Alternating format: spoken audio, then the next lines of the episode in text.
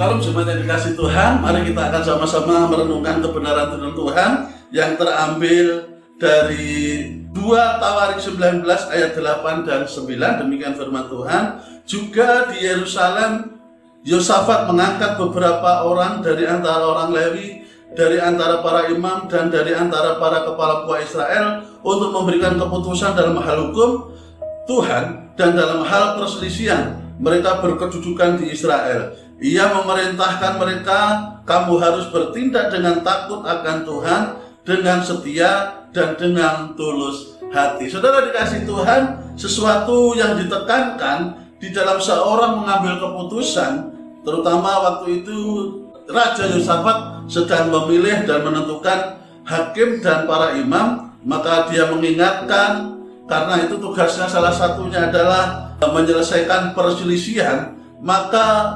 bertindak dengan takut akan Tuhan, dengan setia dan dengan tulus itu mutlak harus dilakukan. Karena apa? Karena ketika seseorang memegang satu kepercayaan, ketika dia melakukannya dengan tidak tulus, maka dia akan mempunyai motivasi tertentu, mulai tendensi tertentu, Mungkin ada akan ada kecurangan-kecurangan yang dilakukan di dalam hal itu. Maka kita harus cek diri kita, apakah pelayanan yang kita kerjakan kita kerjakan dengan takut akan Tuhan, kita kerjakan dengan tulus, kita kerjakan dengan setia, karena bukan apa yang kelihatan ini, apa yang dilihat manusia, tetapi Tuhan melihat hati kita. Ketika kita melakukan segala sesuatu dengan tulus, dengan setia, dengan takut akan Tuhan, itulah yang akan Tuhan hargai.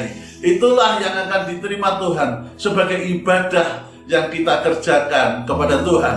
Kita kerjakan segala sesuatu apa pun yang Tuhan percayakan, baik itu di dalam pelayanan, di dalam pekerjaan dan di lingkungan apa pun.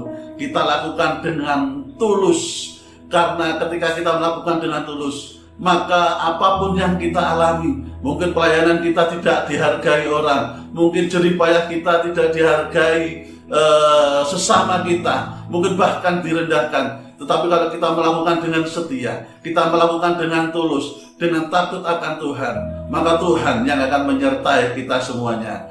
Immanuel, Tuhan Yesus memberkati kita.